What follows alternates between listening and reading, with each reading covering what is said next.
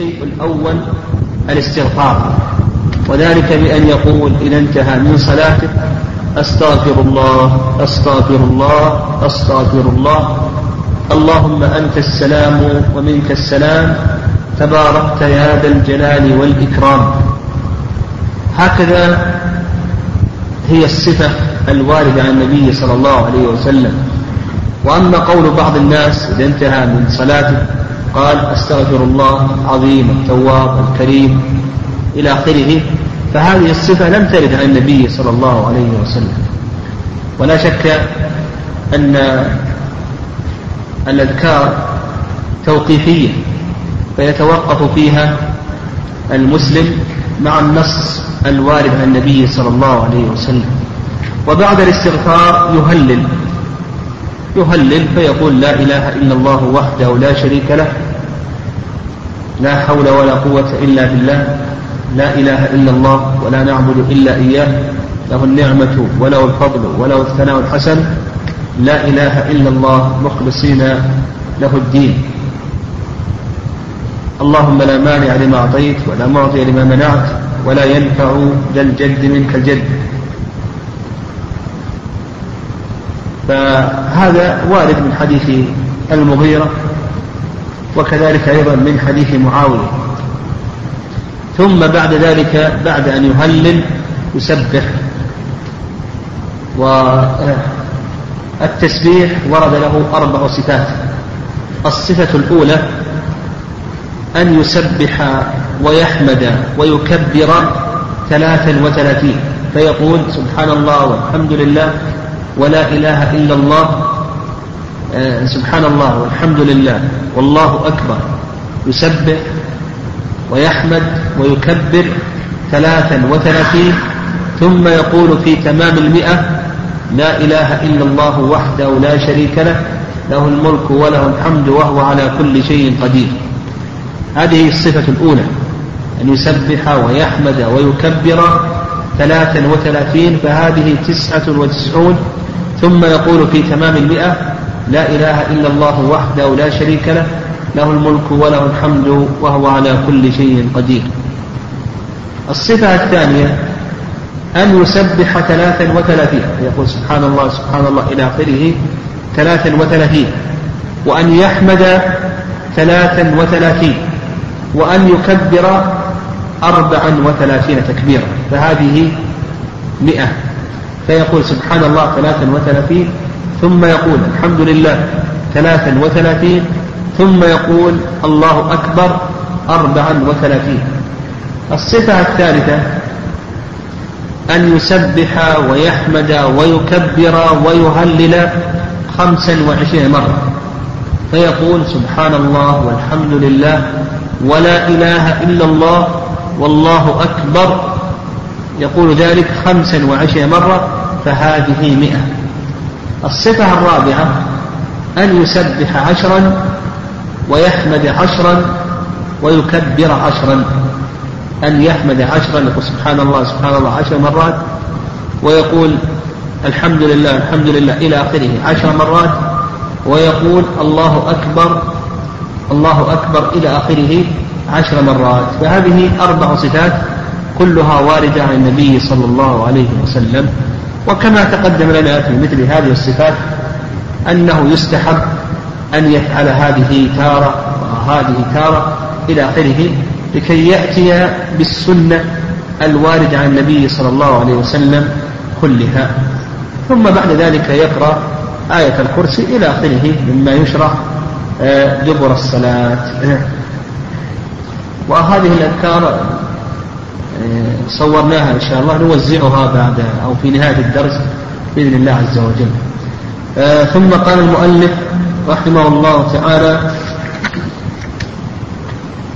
فإذا سلم استغفر ثلاثا وقال اللهم أنت السلام ومنك السلام تباركت يا ذا الجلال والإكرام. وهذا دليله حديث ثوبان قال كان رسول الله صلى الله عليه وسلم إذا انصرف من صلاته قال ذلك. قال الأوزاعي رحمه الله يقول أستغفر الله أستغفر الله إلى آخره كما سبق بيانه. قال باب أركان الصلاة وواجباتها؟ آه، أركانها اثنا عشر القيام مع القدرة وتكبيرة الإحرام إلى آخره. الأركان جمع ركن. والركن هو جانب الشيء الأقوى وهو الجزء الماهية يقول الركن هو جانب الشيء الأقوى وهو جزء الماهية جزء الماهية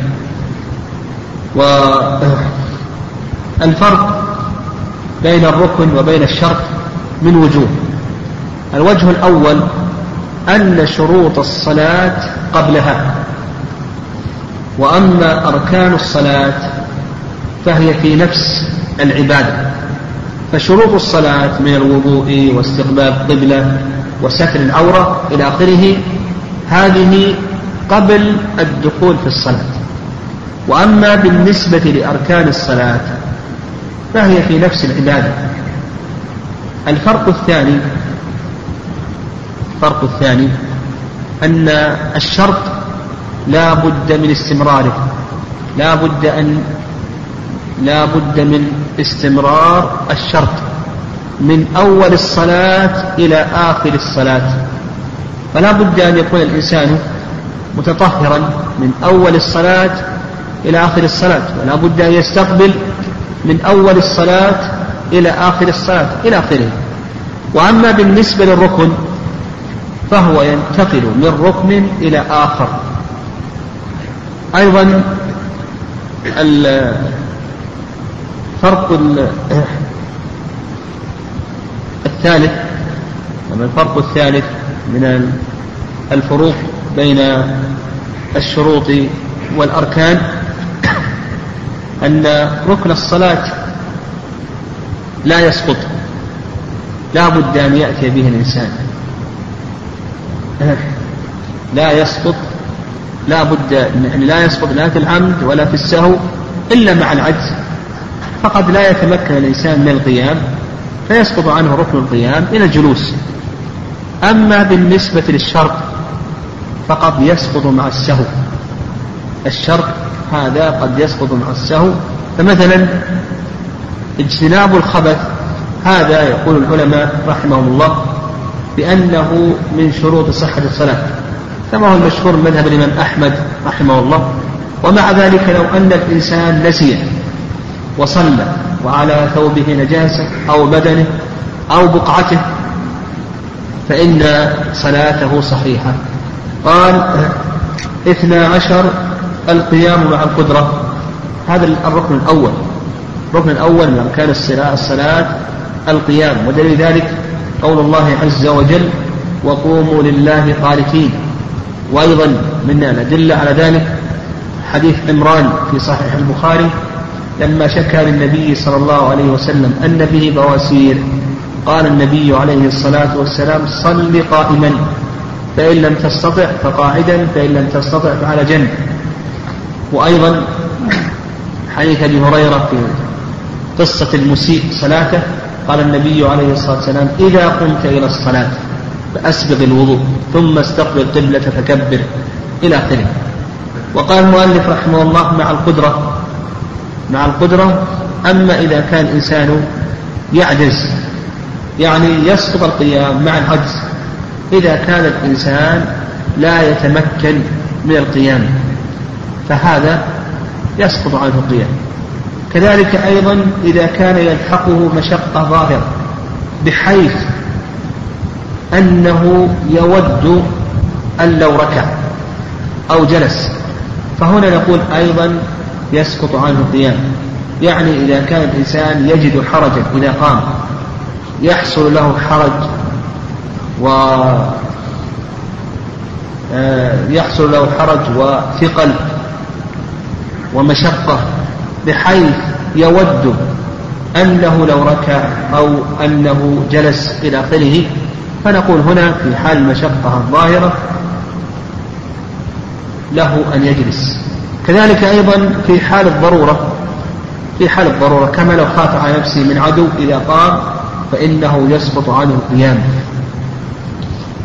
وهذا الركن القيام هذا بالنسبة للفرض. أما بالنسبة للنفل فإنه لا بأس أن يصلي الإنسان جالسا لقول النبي عليه الصلاة والسلام صلاة القاعد على النصف من صلاة على النصف من صلاة القائم وصلاة المضطجع على النصف من صلاة القاعد قال وقدر القيام ما هو قدر القيام المجزئ؟ قدر القيام المجزئ هو قدر تكبيرة الإحرام. قدر تكبيرة الإحرام. فلا بد للإنسان أن يقوم قدر تكبيرة الإحرام. لأن تكبيرة الإحرام ركن. لحديث عبادة النبي عليه الصلاة والسلام قال لا صلاة لمن لم يقرأ بفاتحة الكتاب. قال وتكبيرة الإحرام. هذا الركن الثاني من أركان الصلاة. ويدل لذلك حديث علي رضي الله تعالى عنه أن النبي صلى الله عليه وسلم قال تحريمها التكبير وهذا إسناده حسن. وأيضا قول النبي عليه الصلاة والسلام للمسيء صلاته إذا قمت إلى الصلاة فأسبغ الوضوء ثم استقبل قبلة فكبر فلا بد من تكبيرة الإحرام. قال وقراءة الفاتحة. ودليل ذلك حديث عبادة رضي الله تعالى عنه أن النبي صلى الله عليه وسلم قال لا صلاة لمن لم يقرأ بفاتحة الكتاب. وتقدم لنا أن المصلي لا يخلو من ثلاث حالات الحالة الأولى أن يكون منفردا أو أو إماما. إذا كان منفردا أو إماما فهذا لا بد أن يقرأ الفاتحة في كل ركعة من ركعات الصلاة. لقول النبي عليه الصلاة والسلام للمسيء صلاته ثم افعل ذلك في صلاتك كلها لما علمه النبي عليه الصلاة والسلام. أما إن كان مأموما فتقدم أنه يجب عليه أن يقرأ فيما يسر به الإمام. فمثلا صلاة الظهر صلاة العصر الركعة الثالثة من المغرب الركعتان الأخيرتان من صلاة العشاء يجب على المأموم أن يقرأ. لكن فيما يجهر به الإمام هل يجب عليه أن يقرأ أو لا يجب عليه أن يقرأ؟ تقدم نشرنا إلى الخلاف في هذه المسألة وذكرنا أن الأقرب والله أعلم أنه لا يجب عليه أن يقرأ فيما يجهر به الإمام و وأن الإمام يتحمل عنه لكن لو قرأ فهذا أحوط. قال والركوع هذا الركن الرابع الركوع. ودليل ذلك قول الله عز وجل يا أيها الذين آمنوا اركعوا واسجدوا. يا أيها الذين آمنوا اركعوا واسجدوا. وأيضا حيث أبي هريرة وفيه قول النبي عليه الصلاة والسلام في المسيء صلاته. ثم اركع حتى تطمئن راكعا. والإجماع قائم أيضا على ذلك. الإجماع قائم على ذلك. قال والرفع منه. وهذا قول جمهور أهل العلم أن الرفع من الركوع ركن ويدل لذلك أن النبي صلى الله عليه وسلم قال للمسيء صلاته ثم ارفع حتى تعتدل قائما وفي لفظ حتى تطمئن حتى تطمئن. نعم. آه آه. ثم ارفع حتى تعتدل قائما لفظ حتى تطمئن قائما. وأيضا قول النبي صلى الله عليه وسلم لا تجزئ صلاة من لا يقيم صلبه في الركوع والسجود. وهذا قول جمهور أهل العلم أن الرفع من الركوع أنه ركن من أركان الصلاة. وعند الحنفية أنه سنة وليس ركنا لأن الله عز وجل لم يذكر في قوله سبحانه وتعالى يا أيها الذين آمنوا اركعوا واسجدوا. وهم يقولون بأنه سنة ولذلك تلحظ الآن الذين يتبعون مذهب الحنفية أنهم لا يطمئنون. تجد أنه إذا رفع من الركوع يهوي مباشرة لأنهم يرون أن الرفع هذا ماذا؟ يرون أنه سنة يرون أنه سنة. ولذلك تلحظ بعض الإخوة الوافدين إلى المشرق تجد أنه إذا قام من الركوع يهوي بسرعة ولا يعتدل قائما. لا يعتدل قائما لأن الحنفية رحمهم الله يرون أن الرفع من الركوع أنه سنة. وهذا فيه نظر فإن النبي عليه الصلاة والسلام قال للمسيء صلاته ثم ارفع حتى تعتدل قائما. وأيضا البراء بن عازب رضي الله تعالى عنه ذكر في صفة صلاة النبي صلى الله عليه وسلم. قال كان ركوعه فرفعه فسجوده فجلسته بين السيدتين قريبا من السواء. هذه الأشياء متساوية. هكذا السنة. قال والسجود. أيضا الإجماع قائم على ذلك. أن السجود ركن من أركان الصلاة لقول الله عز وجل يا أيها الذين آمنوا اركعوا واسجدوا. وأيضا قول النبي عليه الصلاة والسلام للمسيء صلاته ثم اسجد حتى تطمئن ساجدا. وأيضا محافظة النبي عليه الصلاة والسلام على ذلك إلى آخره يعني قال والجلوس عنه الخلاف في هذا الركن كالخلاف في ركن الرفع من الركوع. فالجمهور يرون أن أن الجلسة بين السجدتين أنها ركن من أركان الصلاة. لأن النبي عليه الصلاة والسلام قال للمسيء صلاته ثم ارفع حتى تعتدل جالسا وفي لفظ حتى تطمئن جالسا. وأيضا قول النبي عليه الصلاة والسلام لا تجزئ صلاة من لا يقيم صلبه آه، في الركوع والسجود. هذه آه، وعند الحنفية أن الجلسة بين السجدتين أنها سنة وليست واجبة. يكفي أن الإنسان لكي يفصل بين السيفين أن يرفع رأسه ثم ينزل مرة أخرى. يعني على مذهب أبي حنيفة رحمه الله لو أن الإنسان سجد ثم بعد ذلك القدر المجزي أن يرفع رأسه ثم يسجد مرة أخرى. أما كونه يجلس بين السيدتين قالوا بأن هذا ليس واجبا وليس ركنا إلى آخره وهذا فيه نظر يعني هذا فيه نظر. وقد ذكر ابن القيم رحمه الله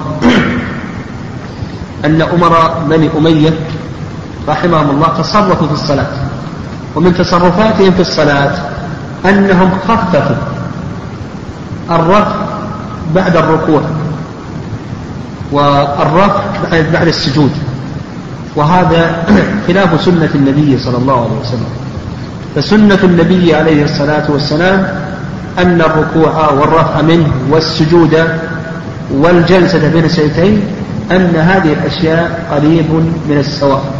يفعلها الإنسان. وقد تقدم لنا أن قدر الركوع عشر تسبيحات قدر السجود عشر تسبيحات وعلى هذا يرفع بمقدار عشر تسبيحات ويجلس بمقدار عشر تسبيحات.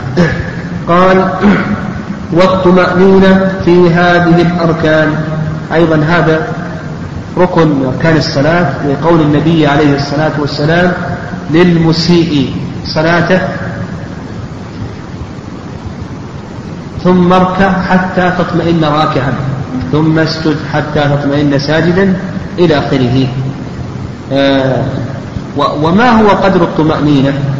قال بعض العلماء قدر الطمأنينة السكون وإن قل. وقال آخرون بأن قدر الطمأنينة أن يركع أو يسجد إلى آخره بقدر الذكر الواجب. يعني القول الثاني أن قدر الطمأنينة قدر الذكر الواجب. وهذا القول هو الأقرب. وعلى هذا إذا ركع الإنسان فيجب عليه أن يطمئن بقدر ماذا؟ ها؟ بقدر قول ماذا؟ سبحان ربي العظيم تسبيحة واحدة لأن الذكر الواجب في الركوع قول سبحان ربي العظيم وإذا سجد يجب عليه أن أن يطمئن بقدر قول سبحان ربي الأعلى وإذا جلس بين السيدتين يجب عليه أن يطمئن بقول بقدر قول رب اغفر لي وأما السنة فأن يزيد إلى عشر. هذا إذا كان إماما يزيد إلى عشر. وأما بالنسبة للمأموم فهو تبع للإمام وأما بالنسبة للمنفرد فهو أمير نفسه كما سبق. إن شاء أن يطول طول وإن شاء أن يقصر قصر. قال والتشهد الأخير. التشهد الأخير هذا ركن من أركان الصلاة. ودليل ذلك حديث المسعود رضي الله تعالى عنه. قال كنا نقول قبل أن يفرض علينا التشهد.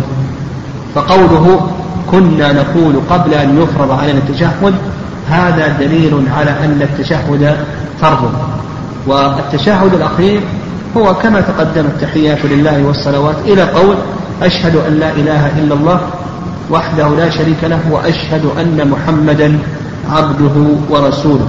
والجلوس له أيضا الجلوس للتشهد الأخير هذا فرض ركن ركن وعلى هذا لو أن الإنسان قال هذا التشهد قال هذا التشهد في في الصلاة وهو قائم إلى آخره فإن ذلك لا يجزئه. لأن هذا خلاف هدي النبي عليه الصلاة والسلام فإن النبي عليه الصلاة والسلام كان يتشهد كان يتشهد وهو جالس. قال والتسليمة الأولى وترتيبها على ما ذكرناه. لم يذكر المؤلف رحمه الله الصلاة على النبي عليه الصلاة والسلام. فظاهر كلام المؤلف رحمه الله أن الصلاة على النبي عليه الصلاة والسلام ليست ركنا. وهذا خلاف المشهور من مذهب الإمام أحمد رحمه الله فإنهم يرون أن الصلاة على النبي عليه الصلاة والسلام ركن من أركان الصلاة. هذا هو المشهور من مذهب الإمام أحمد رحمه الله. وتقدم لنا أن أشرنا إلى الخلاف في هذه المسألة وأن الصواب في هذه المسألة أن الصلاة على النبي عليه الصلاة والسلام ليست ركنا. إن أتى بها الإنسان هذا هو الأحسن هذا هو السنة وإن لم يأتي بها الإنسان فإن صلاته فإن صلاته صحيحة. والدليل على أنها ليست ركن حديث ابن مسعود لما ذكر التشهد قال النبي عليه الصلاة والسلام ثم ليتخير من الدعاء أعجبه. ثم ليتخير من الدعاء ما شاء إلى آخره فهذا يدل على أن الصلاة على النبي عليه الصلاة والسلام ليست ركنا وهذا قول جمهور جمهور أهل العلم وهو الصواب في هذه المسألة. وقال المؤلف رحمه الله أيضا والتسليمة الأولى هذا أيضا خلاف المشهور من مذهب الإمام أحمد رحمه الله. فإن المشهور من مذهب الإمام أحمد رحمه الله أن التسليمتين كل منهما ركن في الفرض. في الفرض لا بد أن يسلم تسليمتين. وهذا القول هو الصواب. خلاف لما ذهب إليه جمهور أهل العلم رحمهم الله. الحنفية أصلا لا يرون التسليم واجبا. فهم يقولون إذا جلس الإنسان بقدر التشهد فله أن يقوم وله أن يتكلم وله أن يأكل ولا يجب عليه أن يسلم. الرأي الثاني رأي الشافعية والمالكية أن الواجب تسليمة واحدة فقط. والرأي الثالث مذهب الإمام أحمد رحمه الله أن الواجب تسليمتان في الفرض. وهذا القول هو الصواب لحديث جابر بن سمرة في صحيح مسلم أن النبي صلى الله عليه وسلم قال يجزئ من أحدكم أن يقول على يمينه وشماله السلام عليكم السلام عليكم. فقال يجزئ. وما آه، وما دون الإجزاء لا تقع به الكفاية.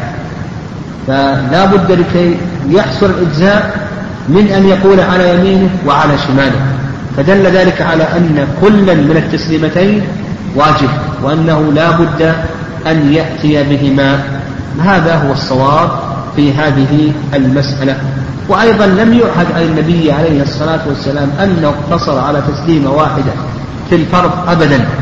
هذا لم يعهد عن النبي صلى الله عليه وسلم بل هدي النبي عليه الصلاة والسلام في الحضر في في السفر في القرى في البوادي والأمصار أنه يسلم تسليمتين. ولن يقتصر النبي صلى الله عليه وسلم على تسليمة واحدة إلا في صلاة الليل. صلاة الليل اقتصر النبي عليه الصلاة والسلام على تسليمة واحدة كان في حديث عائشة وحديث ابن عمر رضي الله تعالى عنهما فنقول النفل لا بأس أن الإنسان يسلم تسليما واحدا قال وترتيبها على ما ذكرناه. أيضا لا بد أن يرتب. فلو أنه سجد قبل أن يركع أو ركع قبل أن يقرأ الفاتحة إلى آخره يقول لا يصح. لأن هذا خلاف ما جاء عن النبي صلى الله عليه وسلم وأيضا خلاف خلاف أمره وخلاف فعله. فالنبي عليه الصلاة والسلام قال للمسيء ثم اركع حتى تطمئن راكع ثم اركع ثم اسجد ثم اجلس إلى آخره. وهذا أمر. وأيضا خلاف فعل النبي عليه الصلاة والسلام. وتقدم أن أشرنا إلى قاعدة وهي أن كل عبادة مركبة من أجزاء لا بد فيها من أمرين. الأمر الأول الترتيب بين أجزائها وإلا لم تكن وفق السنة. والأمر الثاني الموالاة بين أجزائها وإلا لم تكن وفق السنة. قال فهذه الأركان لا تتم الصلاة إلا بها وواجباتها سبعة. التكبير غير تكبيرة الإحرام. آه، آه، والتسبيح في الركوع والسجود مرة مرة والتسميع إلى آخره. هذه الواجبات انفرد الحنابلة رحمهم الله بذكرها. أما جمهور أهل العلم فلا يرون أنها واجبا. فلا يرون أنها واجب أو واجبات من واجبات الصلاة. فهذا من مفردات مذهب الحنابلة. ما يتعلق بتكبيرة الانتقال تسبيحة الركوع تسبيحة السجود التسميع التحميد قول رب اغفر لي التشهد الأول الجلوس له هذه ثمان واجبات. هذه ثمان واجبات انفرد الحنابلة رحمه الله بكونها من واجبات الصلاة. أما جمهور أهل العلم فلا يرون أنها من الواجبات. فمثلا على رأي الجمهور لو لم تقل سبحان ربي العظيم في الركوع عمدا فصلاتك صحيحة. لكن عند الحنابلة إن تركت ذلك عمدا فصلاتك باطلة وإن تركته سهوا فإنك تجبر ذلك بأي شيء؟ بسجود السهو. تجبره بسجود السهو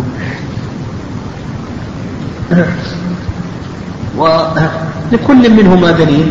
ناخذ الأدلة على سبيل الاختصار. المشهور المذهب الإمام أحمد كما قلنا هذه الخم هذه الثمانية. تكبيرة الانتقال تسبيحة الركوع تسبيحة السجود. قول رب اغفر لي بين السجدتين. آه تشهد الأول الجلوس له التسميع التحميد. ثمانية أركان ثمانية واجبات. هذا هو المشهور مذهب الإمام أحمد رحمه الله. أما أكثر أهل العلم فلا يرون أنها واجب من واجبات الصلاة. الحنابلة استدلوا بأدلة من هذه الأدلة أنه ورد الأمر بها والأصل في الأمر ورد الأمر ببعضها.